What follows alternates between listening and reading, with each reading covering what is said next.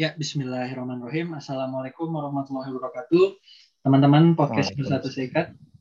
Kita kali ini balik lagi eh, ngobrol-ngobrol uh, tentang properti, ngobrolin tentang apa kegiatan sosial, nanti uh, apa aja yang dilakukan sama beliau ini. Aris Rizal Gozali, benar ya Aris ya? Iya Kang, betul. Aduh, kenalan dulu atau Sob, Aris. Sehat-sehatnya kenalan dulu sama Ya. Alhamdulillah. Bismillahirrahmanirrahim. Assalamualaikum warahmatullahi wabarakatuh.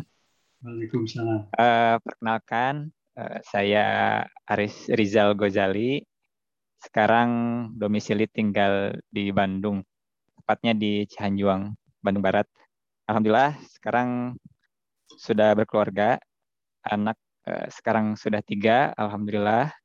Yang pertama uh, perempuan, yang kedua laki-laki, dan yang terakhir si bungsu baru tiga bulan uh, perempuan lagi. Alhamdulillah. Alhamdulillah. Itu Kang Haji. Mantap. Produktif. Itu yang yang anak ketiga itu pas ini Kang PSBB Kang. PSBB-nya, coronanya. Corona. Jadi angkatan pandemi angkatan nanti teh benernya di di sekolah teh wah orang tua kita mah angkatan pandemi ya. Bener kang. Bener jadi jadi positif teh ini positif uh, bukan corona kang. Positif hamil alhamdulillah. alhamdulillah. Nanti ada titipan lagi nya? Insya Allah jadi. Alhamdulillah. Rezeki kang. Alhamdulillah. Riz, boleh cerita ya, dong. Kang. Sekarang berarti aktivitas teh ngapain gitu? Iya Kang, uh, mungkin saya sedikit back, background saya dulu Kang ya sebelum saya cerita aktivitas sekarang. Jadi uh, saya tuh kuliah di UPI Kang jurusan di manajemen. Sebetulnya nggak agak nggak nyambung sih dengan secara ini ya, secara jalur, tapi banyak yang ternyata setelah terjun di bisnis ini tuh banyak banget ternyata artinya setelah setelah di apa ya di review lagi oh apa yang dipelajari di manajemen itu sangat berhubungan dengan dunia bisnis, Kang. Kebetulan saya ngambilnya di dulu di SDM sih. SDM tapi juga ada mata kuliah juga wirausahaan. Jadi eh, ya jadi jalurnya ke usaha sekarang alhamdulillah. Nah, aktif, aktivitas sekarang itu alhamdulillah gerak di usaha properti Kang. Mungkin kalau orang bilang mah developer lah gitu kan, developer masih pemula masih belajar baru tahun keempat sekarang itu Kang. Gitu Kang.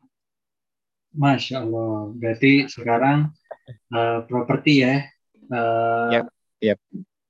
Nah, sekarang berarti kegiatan eh kan selain properti mah Aris juga ada ini ya si Sub Foundation ada. itu. Nah itu ya, nanti mungkin kita dikit cerita. nanti kita dalam. Boleh, boleh, boleh. Iya, nanti berhubungan kok Kang dengan dengan aktivitas sosial saya nanti di usaha ini. Nyambung. I see. Iya, nah, siap, siap. Ya udah deh, Gimana, cerita ini dulu, Riz. Hmm. Apa akhirnya terjunnya ke properti ya? Siap. Ya, eh, jadi sebelum usaha sendiri, Kang, saya itu emang kerja dan memang kerjanya itu di perusahaan properti, Kang. Jadi di developer dan developernya memang bukan developer yang uh, sudah ini ya sudah besar. Tapi waktu itu 2016 itu saya diajak salah satu apa ya bisa dibilang lah rekan yang waktu dulu waktu dulu saya magang di perusahaan dia waktu masih travel agent. Nah, beliau eh, apa buka usaha properti, belum ada orang waktu itu eh, ngajak saya, eh, Riz, bantuin saya saya lagi ada project belajar properti. Nah jadi di sanalah uh, mulai mengenal properti. Jadi ikut dulu ke orang lah kerja waktu itu. Diamanahi waktu itu uh, ini Kang pengawas proyek yang notabene saya nggak ngerti Kang proyek perumahan itu kayak gimana. Tapi uh, apa ya bisa dibilang ya rekan partner saya waktu itu saya bilangnya partner ya si bos lah bilangnya ya uh, ya udah belajar aja uh, nanti di lapangan lah, learning by doing kayak gitu. Akhirnya ya udahlah, Bismillah dan waktu juga kebetulan memang baru awal-awal nikah Kang. Jadi awal-awal nikah waktu itu sebagai apa ya freelance juga, jadi memang belum ada pekerjaan tetap. Jadi ya udahlah, Bismillah aja. Mudah-mudahan rezekinya di sini dan uh, saya juga memang niat pengen punya rumah gitu. Jadi mungkin pernah dengar pepatah kalau kita apa uh, namanya uh, gaul dengan penjual minyak wangi, ya kita ke bawah wangi kan. Nah gitu itu hmm. mudah-mudahan kalau saya ikut di dunia properti ini, mudah-mudahan jalan saya punya rumah. Karena waktu itu baru nikah, itu masih ngontrak kang, kontraktor. Jadi kontrak sana, hmm. kontrak sini kang. Jadi ya udah Bismillah aja. Kebetulan proyek pertama itu di Cihanjuang dan deket uh, apa ya kontrakan saya juga waktu itu hmm. pas nikah gitu. Jadi ya udah belajar di sana. Uh, jadi benar-benar apa ya belajar dari nol, gak punya basic arsitek, gak punya basic sipil, dan waktu itu ya udah Bismillah aja. Akhirnya belajar sama tukang kang. Jadi saya kayak kuliah lagi ke tukang dan tukang itu dosen saya ibaratnya gitu. Jadi hmm. benar-benar pembelajaran pembelajaran di lapangan kayak kuliah lagi lah pokoknya mah. waktu itu dikasih amanah ngelola 6 unit kan waktu itu dikasih hmm. amanahnya. Oh, gitu kan.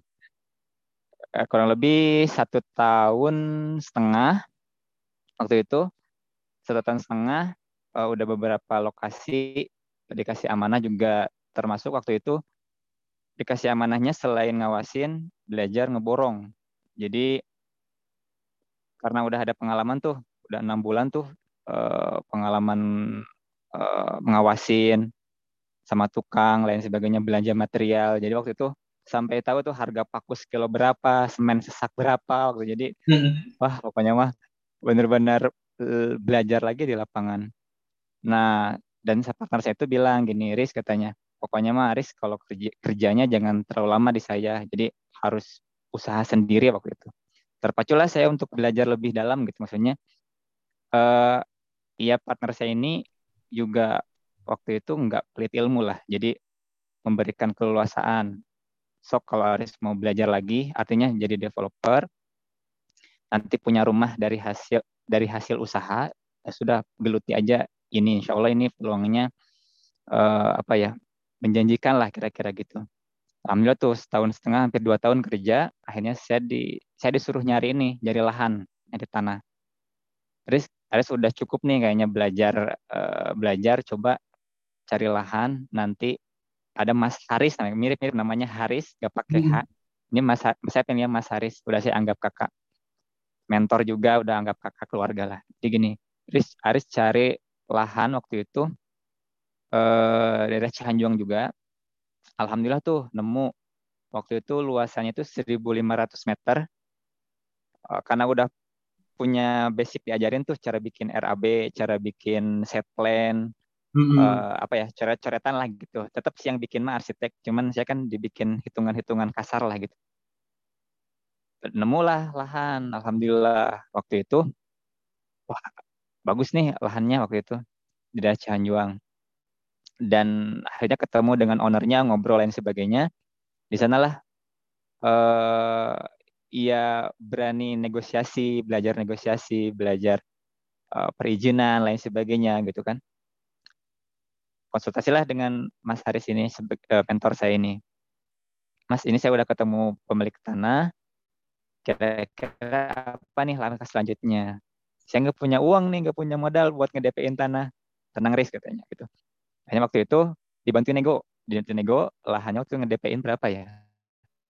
Pokoknya mal tanah itu 1,5 miliar Kang. Kalau beli cash, aduh uang dari mana 1,5 miliar? Hmm. Akhirnya karena kita belajar ilmu negosiasi, mentor, waktu itu tanda jadi itu berapa ya? 20 juta, 5 miliar lebih uh, dengan 20 juta Kang. Dan itu saya juga uh, apa ya? percaya nggak percaya sih wah kok bisa gitu kan uh, dengan 20 juta akuisisi 1,5 miliar. Alhamdulillah waktu itu dikasih waktu Kang. Waktu itu 12 hmm. bulan harus ngelunasin. Wah deg-degan kan? Gimana nih kalau misalnya 12 bulan nggak nggak bisa ngelunasin? Wah tapi tetap di sana perlu pentingnya mentor kan ya dalam bisnis. Hmm. apalagi baru mulai kan? Jadi yang menguatkan itu adalah mentor guru. Dan gurunya memang di bidang itu gitu kan. Nah alhamdulillah kang itu jalan proyek pertama saya tuh proyek pertama saya 14 unit dan alhamdulillah tuh dengan segala apa ya tantangan dan rintangan lah ya semua usaha pada risiko tapi kalau kita tahu ilmunya risiko itu bisa kita minimalisir ditambah dengan partner yang memang mentor bisa membimbing kita alhamdulillah eh, dalam jangka waktu kan itu tuh jadinya 14 unit Kang dari hmm. eh, luas tanah 1500 kemudian dipotong fasum ya jalan selokan dan sebagainya itu jadinya tuh 14 unit. Alhamdulillah dalam jangka waktu enam bulan Kang itu sold out uh, 10 Kang. Hmm. jadi enam bulan tuh sold out 10 jadi waktu itu alhamdulillah udah bisa nyicil tanah tuh. Jadi udah bisa membangun nyicil tanah. Dan waktu itu memang karena nah saya sedikit cerita. Jadi tanah itu kan macam-macam Kang. Ada yang sertifikat ada yang gerik yang nama itu atau adat, ada yang AJB. Hmm. Nah, tantangan saya waktu itu adalah tanah ini tanah adat Kang, jadi tidak bisa di KPR kan. Jadi otomatis tantangannya adalah nyari market yang bisa punya uang cash-cashan Kang, atau cash bertahap lah setahun atau enam bulan gitu. Hmm. Progres. Nah, karena momennya itu waktu itu lagi apa ya developer masih dibilang belum banyak terus banyak juga demand demandnya gitu ya apa permintaan marketnya yang orang tuh masih sanggup cash bertahap eh, enam bulan ada yang setahun. Jadi kita juga ngasih kemudahan lah buat orang buat apa ya buat apa ya meringankan lah. Jadi kalau misalnya cash langsung kan langsung gitu berat ya. Tapi dengan dikasih jangka waktu enam bulan 12 bulan itu mereka eh, sanggup. Walaupun memang nggak pure uang dia, kadang ada uang orang tuanya. Jadi nyicil ke orang tuanya, Kang. Jadi beberapa konsumen itu saya nemunya uh, disupport orang tuanya atau baru dapat warisan, jual hmm. rumah. Itu alhamdulillah tuh ketemu orang-orang kayak gitu. Alhamdulillah tuh uh, memang sih ada yang cancel itulah hal yang biasa dalam dalam usaha properti ya. Ada yang jadi tiba-tiba di pertengahan cancel. Singkat cerita, Kang, uh, bereslah waktu itu berapa bulan ya? Uh, hampir 18 bulan Kang. Jadi waktu itu memang ada kendala ini uh, sesuai target. Jadi itu tantangan lagi tuh. Wah, udah 12 bulan lebih waktu itu. Akhirnya lah itu negosiasi lagi lah dengan pemilik tanah. Jadi itu adalah seni negosiasi Kang ya. Jadi ketika kita nggak chip nih 12 bulan masih, masih ada sisa sekitar berapa ratus juta lagi lah gitu. Hmm. Tapi kita negosiasi uh, Pak ini karena belum terjual ada yang cancel dan sebagainya kita yang pertama jujur aja uh, bahwa emang ini bukan emang kita nahan nggak mau bayar hmm, tapi iya. emang kondisinya adalah waktu itu ada yang cancel jadi yang harusnya kita bayar tuh kang itu tengah jalan cancel kang. Jadi uh, ya udah akhirnya kan mundur pembayaran ke pemilik tanah. Tapi alhamdulillah tuh bulan ke 18 lunas dengan kesepakatan waktu itu juga ada penambahan inilah ada penambahan uh, harga tapi bukan denda atau riba ya. Tapi jadi bikin akad baru ada selisih berapa ada kenaikan harga kira-kira gitu. Nah dan uh, singkat cerita juga bahwa alhamdulillah juga niat saya tadi pengen punya rumah teh Kang. Dari 14 unit ini tuh akhirnya saya punya rumah satu kan di proyek saya alhamdulillah. Jadi bisa dibilang profit nah Kang alhamdulillah. Jadi doa istri juga, doa anak juga. Jadi alhamdulillah tuh rezeki istri lah ini saya rezeki istri sama anak-anak. Jadi anak kedua itu pindahan Kang. Jadi anak kedua saya masih ngontrak tuh. Hmm. Uh, dua tahun, uh, berarti di tahun kedua.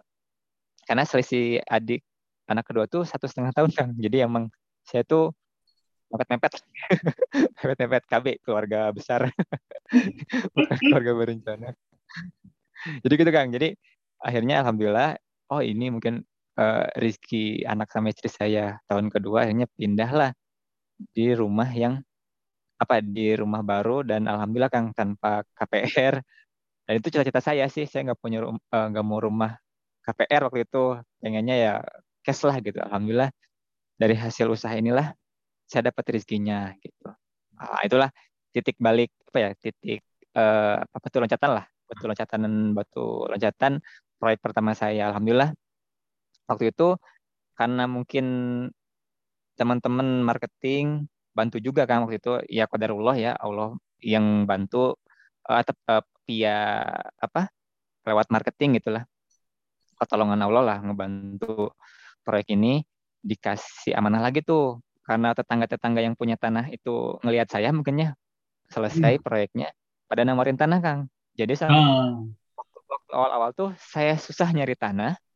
Pas udah proyek jalan dan waktu itu selesai banyak yang nawarin tanah. Sampai saya bingung milih yang mana waktu itu. Dikasih banyak lahan sama pemilik tanah itu. Kang tolong kelolain yang tanah saya. Yang awalnya dulu pengen jual langsung cash tapi nah. uh, akhirnya dikerjasamakan. Alhamdulillah Kang. Dari 2000 mulai saya 2018 ya berarti yang proyek sendiri itu nah. dan waktu itu saya partneran Kang jadi saya sirkah jadi saya bermuamalah sama partner saya itu Mas Haris kantor saya jadi profit sharing lah gitu kan hmm. hmm. jadi, jadi tahun kedua itu saya udah nggak nggak kerja sama partner saya ini jadi udah nggak ada Imanli lah jadi emang hmm. benar-benar profit sharing waktu itu uh, adalah sekian persen sekian persen ada hitungannya. Nah alhamdulillah tuh tahun berikutnya ngelola lagi namanya tuh klaster panorama Cianjuang masih ada lagi. Tahun berikutnya juga eh bulan masih tahun yang sama 2019 tuh saya dua lo, tiga lokasi. Ada klaster panorama, Kubik House, ada ATJ Regency. Tahun berikutnya lanjut ke tahun ini mungkin ya 2020 tuh Kafling Karyawangi Living ada 14 unit. Kalau di total-total itu sampai hari ini tuh ada 116 unit Kang. Alhamdulillah oh. dari dari 14 unit gitu. Hmm. Dan emang kalau saya itu ini Kang kebetulan carinya klaster-klaster kecil. Jadi bukan yang satu hektar, dua hektar tuh enggak. Jadi hmm. yang 14 unit, yang 5 unit bahkan ada Al-Fatih House itu cuma dua unit Kang. Jadi cuma luas tanah 200 meter. Saya split seratus seratus seratus seratus waktu itu dipotong selokan lah jalan itu jadi sembilan puluhan lah alhamdulillah ya udah nggak ngelihat besar kecilnya yang penting mah halal aja dan mudah cara pembayarannya gitu. Alhamdulillah dikasih. Intinya mah kalau ada yang mau kerja sama insya Allah kita bantu. Dan ini Kang mentor saya selalu bilang ini jadi niatkan kita bantu orang. Ini bantuan gini bantu pemilik lahan mensolusikan tanahnya yang belum terjual terjual karena rata-rata kan kalau jualan 1000 meter gitu kan ya Kang? 2000 meter itu agak agak sulit kan agak, agak sulit sorry agak sulit dibandingkan dengan kita menjual per yang luas tanah 70, yang 100. Orang punya budget tuh buat luas tanah 100, 70, 80 dibandingkan dengan luasan yang 1000 misalnya. Kan hanya sedikit orang lah yang punya uang beli tanah langsung 1000 meter, benar nggak Kang? Hmm. Nah, jadi jadi kita nih sebagai developer itu mensolusikan pemilik tanah, Pak, yuk kita kita bantu jualin, tapi dengan cara kita, artinya kita split, kita jualnya jual unit, cara bayarnya mungkin nggak bisa langsung, tapi sesuai unit terjual atau cash tahap atau tiga bulan kah, per empat bulan atau per enam bulan. Dan mereka mau Kang, karena mereka itu karena gini, karena uh, pemilik tanah juga kan pada saat jual tanah, misalnya jual jual nih uh, 1000 meter langsung dapat 2 miliar, kan nggak langsung kebutuhannya 2 miliar kan, bener nggak? Jadi hmm. kebutuhannya itu mungkin 100 juta gitu kan, kebutuhannya 50 juta untuk sekolah anak, buat uh, buat ada yang bayar hutang, ada yang banyak sih apa ya owner-owner itu menjual tanah itu ya untuk nikahan anaknya, ada yang pergi haji, pergi umroh gitu kan. Jadi kita pun senang gitu artinya uh, membantu pemilik tanah mensolusikan dengan cara kita sebagai developer kita olah lahannya. Yang kedua, kita membantu niatnya adalah membantu orang-orang yang belum punya rumah. Kita bantu gitu kan uh, memudahkan mereka uh, dengan tadi cara bayarnya yang dipermudah gitu kan dan konsep rumahnya pun yang saya kan cenderung konsepnya customize Kang. Jadi konsep uh, rumah impian lah. Jadi uh, enggak enggak harus sama. Jadi kalau misalnya ada kalau calon bayar pengen rumahnya uh, tipe Skandinavian misalnya atau tipe Eropa, tipe hmm. minimalis, ya suka-suka mereka aja gitu kan. Itu mereka lebih senang dibandingkan mungkin yang sudah jadi terus direnovasi itu budgetnya akan lebih mahal. Jadi uh, ya alhamdulillah tuh dengan konsep custom design itu layoutnya lain sebagainya mereka senang tuh apa namanya tuh apa ibu-ibu ya istri gitu kan uh, mungkin 90% keputusan membeli rumah tuh di istri Kang. Hmm. di perempuan. Kalau laki-laki kan ya udah cocok cocok. Ya udah bayarin gitu kan si suami itu. Uh, tapi istri itu memang berpengaruh. Makanya strategi marketing kita adalah uh, nyasar ibu-ibu muda yang bisa desain unik gitu kan. Uh, apa ya rumah saya tuh yang paling banyak itu konsep Skandinavian konsep American modern hmm. yang kombinasi kayu gitu kang nah, yang warna-warna pastel gitu kan terus kita kasih gimmick bonus-bonus kitchen set gitu gitulah yang yang ibu-ibu tuh suka padahal kan nggak seberapa bikin kitchen set tapi dengan bonus kitchen set itu jadi nilai nilai plus gitu. Padahal kan kitchen set nggak lebih dari 10 juta lah gitu kan. Tapi bisa bisa meyakinkan suaminya yang mungkin awalnya suami itu kurang cocok jadi cocok. Nah gitu gitu. uh, kalau dari segi marketingnya, uh, alhamdulillah. Dan alhamdulillah Kang tadi secara apa ya, secara perjalanan itu memang nggak salah nggak nggak selalu mulus, selalu ada selalu ada aja uh, rintangannya. Termasuk mungkin saya sedikit cerita kepada saat pandemi Kang. Wah itu kayaknya bukan hanya properti aja tapi mungkin semua usaha Kang ya terdampak dari mulai retail, jasa termasuk properti. Bayangin hmm. Kang, beli rumah itu kan nggak bisa kayak di Shopee Kang, Shopee Kang atau Tokopedia. Lihat check out transfer nggak bisa Kang. Hmm. Harus dilihat, harus disurvey, dipegang gitu kan. Oh ini bener gak nih bataknya kayak gimana dilihat lingkungannya itu waktu PSBB awal itu mungkin tiga bulan atau enam bulan pertama itu nggak ada penjualan kang. Muter otak eh, apa namanya orang mungkin nahan uang juga ya waktu pandemi mungkin perlu uang cash juga kan. Hmm. jadi ke properti juga relatif lambat banget. Eh, tapi ya Allah teman-teman marketing juga kreatif pak pada ya jadi teman-teman marketing itu jadi nggak langsung deal hari itu tapi mereka kan punya database tuh. Uh, alhamdulillah tuh kang.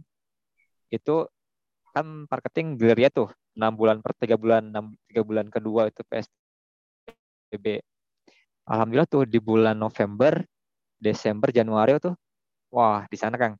Mungkin PSBB juga udah bosen ya. Pas lihat survei ke lokasi cocok itu wah udah kayak apa ya? Eh, kayak jualan normal aja gitu udah. Sebulan tuh closing tiga. Empat. Wah alhamdulillah.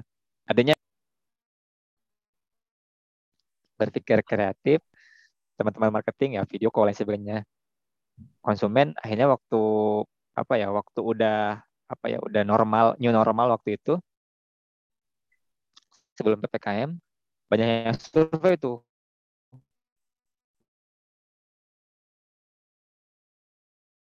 wah sama beludak lah weekend lah sebagainya alhamdulillah justru proyek saya itu eh, closing banyak closing itu pada saat pandemi setelah pandemi fase psbb ya Hmm. Itu alhamdulillah yang panorama itu sold out di sana. Tinggal sekarang itu tiga lokasi lagi non Hosea Hanjuang hmm. sama Kavling Karyawangi ada yang cancel satu lagi. Jadi yang lain mah alhamdulillah uh, tinggal nyelesain pembangunan aja. Secara penjualan udah selesai. I see. Nah, paling gitu Kang. Si kepanjangan. Mantap. itu mungkin. ya, Aduh, tapi udah punya lurus tuh. Itu yang saya tanya-tanyain. Oh, ini udah nih. Yang ini udah nih. Aduh, tapi senang banget terus maksudnya. Uh, ya kita kenal udah lama lah ya terus melihat progres Arif senang banget gitu uh, berkembang jauh gitu dengan propertinya sekarang yeah. juga terus dengan nah akhirnya kan ada tadi cerita di awal tuh ada yayasan yang masih nyambung nih di segitu nah uh, karena kita udah dekat hmm. di hmm. ending nih gitu boleh nggak Riz cerita ini saya siap, saya siap. rangkum nih si pertanyaannya jadi jadi semua nih gitu. uh, pertama kaitannya si yayasan sama properti apa terus kedua pembelajaran hmm. yang Aris rasain nih paling bermakna selama berkarir nih apa? Nah yang ketiga, Siap. apa yang Aris dapat yang akhirnya Aris pegang itu jadi pegangan hidup ya. jangan dari siapa pun ya. Yang boleh. akhirnya selalu terjadi. Boleh, boleh. Ya Kang. Ya, uh, ya Alhamdulillah juga uh, 2020 Kang waktu pandemi bulan Agustus tepatnya itu saya dan istri tuh ini cerita e, Mi kira-kira apa ya yang bisa bantu eh, tapi bisa jadi amal jariah. Waktu itu sebetulnya ini gerakan ini sudah ada namanya itu sedekah air Kang. Jadi hmm. kita itu yayasan bergeraknya fokus di wakaf eh, pengeboran sumur.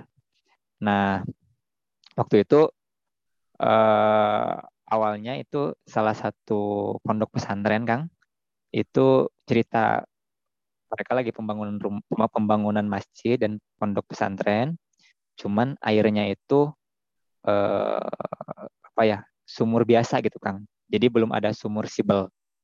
Nah, waktu itu eh, kebetulan tim kontraktor kita itu kan kalau kita bikin rumah itu kan kita kan ada tim pengeboran ya uh, sumur. Jadi kalau mungkin dulu itu sumur tuh digali kan ya, digali manual gitu kan, yang mungkin lebarnya satu meter gitu kan terus digali. Kayaknya kalau di perumahan kan nggak mungkin ya. Konsepnya itu konsep sumur sibel kang. Jadi dia hanya pipa tiga in itu mm -hmm. ada alat mesinnya tuh dan itu si mesin itu namanya itu sibel. Jadi kurang lebih uh, apa ya mesinnya itu sting, panjangnya itu semeter, diameternya itu kurang lebih di 20 cm. Jadi dimasukin ke dalam pipa. Itu uh, apa ya konsep sumur bor yang relatif lebih apa ya lebih efisien juga dan lebih awet gitu kan yang dipakai di klaster-klaster uh, yang saya buat. Nah itu kenapa nggak dipakai juga di pengeboran sumur-sumur di masjid dan eh, pondok pesantren gitu waktu itu. Akhirnya ya udahlah Bismillah kita bantu aja gitu kan. Nah waktu itu kita itu ini Kang pada saat mulai itu juga cerita ke ini ke tim kontraktor yang biasa ngebor. Kang ini ada masjid pondok pesantren uh, perlu sumur kira-kira bisa nggak? Ada Kang bisa insya Allah katanya. Itu pondok pesantrennya itu di Subang Kang. Akang juga kayaknya tahu deh. Ini pondok pesantren uh, eh, PPO Kang waktu itu hmm, project hmm, pertama. hmm. Uh, itu Saif Al Ulum waktu itu. Akhirnya karena airnya itu kuning waktu itu ada air cuman kuning karena bekas serawa nah waktu itu saya share apa ya ya biasalah posting gitu kan progres dan sebagainya. Terus tiba-tiba teman-teman tuh banyak yang ini nanyain e, Riz itu kegiatan apa ini wakaf sumur kata saya oh gitu saya ceritalah. Uh, wah boleh nitip nggak? Artinya pengen ikutan gitu kan. Saya cerita kenapa waktu itu di sumur. Uh, salah satunya adalah terinspirasi dari kakak tingkat kita juga ya dan ustadz juga. Waktu itu ini kang pengajian lah. Jadi uh, ada satu hadis kang namanya satu hadis riwayat Abu Daud itu isinya kayak gini kurang lebih saat bin Ubadah itu bertanya kepada Rasulullah, wahai Rasulullah, sedekah apa yang paling utama? Terus hmm. beliau menjawab, sedekah air. Nah, saat bin Ubadah ini pengen sedekahnya itu harus sama ibunya. Hmm. Nah, kenapa air? Air itu kan sesuatu yang apa ya? Kalau orang itu nggak bisa hidup tanpa air kan. Dan pahala air itu kan kenapa di masjid uh, dan di pesantren itu kan dipakai wudhu kan wudhu, sholat lain sebagainya lah. Nah, dan di masjid itu juga tempat orang kadang-kadang masyarakat itu kalau nggak ada air kan musim kemarau ke mana perginya? Pasti nyari ke masjid gitu kan. Nah, jadi sentralnya itulah di masjid uh, dan itu kan tanah wakaf kalau masjid beda dengan mungkin kita ngasih sumber air di tempat uh, warga biasa. Nah, di sanalah ya bismillah nih kita uh, seriusin banyak yang nitip nih. Waktu itu belum ada yayasan, Kang. Belum ada yayasan. Karena waktu itu banyak yang nitip, ada uang sisa nih. Jadi kebutuhan tuh berapa ya? Terus uang nyisa gitu kan. Ada ada yang nitip juga. Waktu itu mah nggak nggak niatan nerima dari yang lain juga. Dari istri, wah ini gimana? Uang lebih. Ya udah kita cari aja masjid sama pesantren yang memang butuh juga gitu kan. Akhirnya ada aja yang yang perlu kita eh, apa ya alokasiin kelebihan uang sedekah dan wakaf dari teman-teman itu. Teman-teman developer ada teman-teman yang teman-teman yang sejawat lah yang bukan developer juga pada nitip karena waktu itu nitipnya ke rekening istri wah saya tuh apa ya eh, khawatir ini ya Kang ya kalau rekening pribadi kan tercampur lain sebagainya. Nah September tanggal 20 waktu itu ya udah kita niatkan bikin yayasan. Nah, waktu itu yayasannya itu pun belum ada nama akhirnya diskusi sama istri. Terinspirasi juga dengan guru kita juga kayak Lukman. Uh, salah satu founder uh, apa sedekah apa infak beras di Pontianak. Itu ada pasukan amal soleh nama itu Paskas. Di Bandung juga ada Paskas jadi mereka bagi-bagi beras. Paskas uh, pasukan amal soleh. Nah, waktu itu yang mirip-mirip ini kan salah satu amal ya amal soleh juga nih. Akhirnya yaudah kenapa kita nggak namain ada amal solehnya. Kira ke depannya apa nih? Terinspirasinya tuh udah ini Kang terinspirasi dari surat Asof jadi barisan. Hmm. jadi janganlah kalian bercerai-berai uh, rapatkan barisan lah kira-kira gitu kurang lebih. Ya udah akhirnya tersusah sama barisan amal soleh. Nah untuk brandingnya waktu itu apa ya? Kan kalau barisan amal soleh kepanjangan gitu kan. Akhirnya uh, asof itulah jadi saf jadi barisan akhirnya dibuatkan nama uh, baku lah. Jadi waktu itu untuk namanya Sub Foundation. Kalau nama yayasan itu Yayasan Barisan Amal Soleh. Ada di sana Kang. Uh, diseriusin, kita bikin buka rekening uh, yayasan. Alhamdulillah tuh banyak teman-teman yang memang ketika kita niatnya sih kembali lagi hanya ngasih progres aja sama laporan ke teman-teman gitu kan di posting gitu. Banyak yang nitip nih, Riz nitip ada yang seratus ribu, ada yang nitip beli pipanya gitu kan, nitip beli mesinnya, torennya. Di sana, wah ini kita seriusin gitu kan, uh, kita maksimalin gitu kan. Volunteer juga waktu itu saya masih sendiri tuh, sama ada satu-satu karyawan saya saya ajak tuh dipaksa, yaudah ikut bantuin saya kata saya teh. Hmm. Uh, survei masjid sama pesantren, alhamdulillah ke Garut Kang, Garut, uh, Bandung, uh, Sukabumi, Cianjur, alhamdulillah. Berarti sekarang tuh kurang lebih ada baru kakak baru mulai Kang ya. Jadi baru 10 titik sekarang tuh Kang, 10 lokasi. Alhamdulillah memang uh, targetnya kita itu untuk sekarang tuh minimal satu bulan satu lah kita uh, keluarin apa kita kegiatan ini minimal gitu kan. Alhamdulillah tuh. Dan target kita ya ini sebuah gerakan juga eh, cita-cita kita juga pengen berbagi uh, di seribu titik uh, sumur wakaf ini. Jadi saya dan tim Bismillah kita ngamalin juga nih, nih ngamalin hadis Rasul nih. Uh, sedekah yang pertama adalah sedekah air. Dan kita ngambil bagian lah peran gitu kan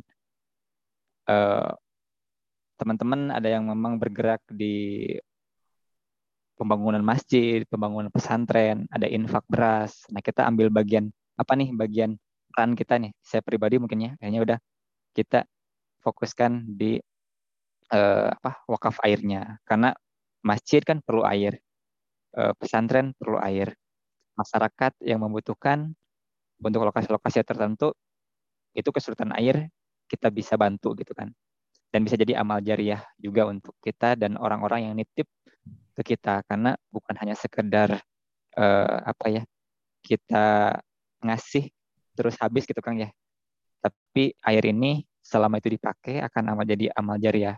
Kita sudah meninggal, Kang. Insya Allah amal jariahnya, pahalanya tetap ngalir. Dan dipakainya untuk apa? Dipakai santri, hafiz Quran, dipakai untuk wudhu, dipakai untuk hadas, masyarakat yang perlu untuk minum, makan, lain sebagainya. Jadi semangat itu, Kang, yang memang kita pengen uh, meninggalkan. Ya sebelum kita nanti pulang ya. Pulang nanti ke uh, bertemu dengan alkoholik itu ya kita harus punya sesuatu lah yang akan kita oh, tinggalkan. Ya. itu kurang lebih gitu kang. Boleh jadi tiga hal lah ya kalau di muslimah yeah. yang bermanfaat yeah, yeah. jariah gitu. Mm semoga bisa yep. jadi jariah ya dan doa anak yang soleh. Yeah. sekarang ada tiga ya. Itu kang. Semangat. Ya betul kang. Jangan Riz. Terakhir Riz. Jangan yang nendang Riz. Setiap ini dari guru properti ya ini dari guru properti saya Kang. Itu Pak Bambang Ibnurudin uh, kan kita itu pengen jadi orang kaya ya. Artinya kaya itu kata beliau gini kaya itu bukan kita bukan saat kita mampu membeli tapi kaya itu pada saat kita mampu memberikan hmm. jadi uh, semangat berbagi itu harus kita apa ya uh, apa ya azamkan gitu kan ya apa pun yang misal karena gini eh karena ada satu hadis juga orang yang meninggal itu kan orang yang meninggal itu meminta satu hal minta kembali ke dunia untuk bersedekah kang bukan untuk sholat bukan yeah. untuk zakat haji tapi orang yang meninggal meminta satu hal kembali ke dunia adalah untuk bersedekah kang jadi pahala fadilah sedekah ini adalah semangat yang harus kita tanamkan dalam diri gitu kan. Karena orang yang menanam kebaikan itu akan kembali lagi kepada yang uh, kita gitu. Kita nanam kebaikan, kita akan manen kebaikan juga insya Allah. Itu Kang mungkin. Masya Allah, Riz. Thank you banget, Riz. Siap, siap, siap. siap. Tapi ini iya mah kan? mungkin akan ada sesi berikutnya, Riz. Nanti saya akan panggil lagi. oh gitu. Siap, karena, siap, Kang. Karena menarik ya, ya terbatas. Tadi juga ya, siap, siap. banyak, uh, ya semuanya juga rata-rata setengah jam nggak cukup, Riz ya. Karena banyak, waduh udah pada hebat-hebat gitu. Terus yang iya, properti kan? tadi menarik. Kita gali lagi yang yayasan juga, uh, siapa tahu nanti teman-teman bisa berkolaborasi gitu. Riz, atau non pisan. Pokoknya nanti ya, sehat-sehat. Uh, semoga kita tetap bisa silaturahmi, uh, tetap ya, kontak-kontakan gitu. Nanti teman-teman juga bisa, ya. semoga bisa kali ini dapat manfaat yang banyak ya dari cerita yang tadi. Insya Allah bisa ya. mungkin punya mimpi-mimpi sama atau uh, ya ada yang relevan buat kehidupannya. Riz, thank you pisan. Siap. siap. Atau ya, Assalamualaikum. Kang. Ya. ya. Waalaikumsalam warahmatullahi wabarakatuh. Sehat-sehatnya sama istri dan anak. Ya. Siap Kang. Ya, sampai-sampai Kang. Mangga, mangga, mangga. Ya,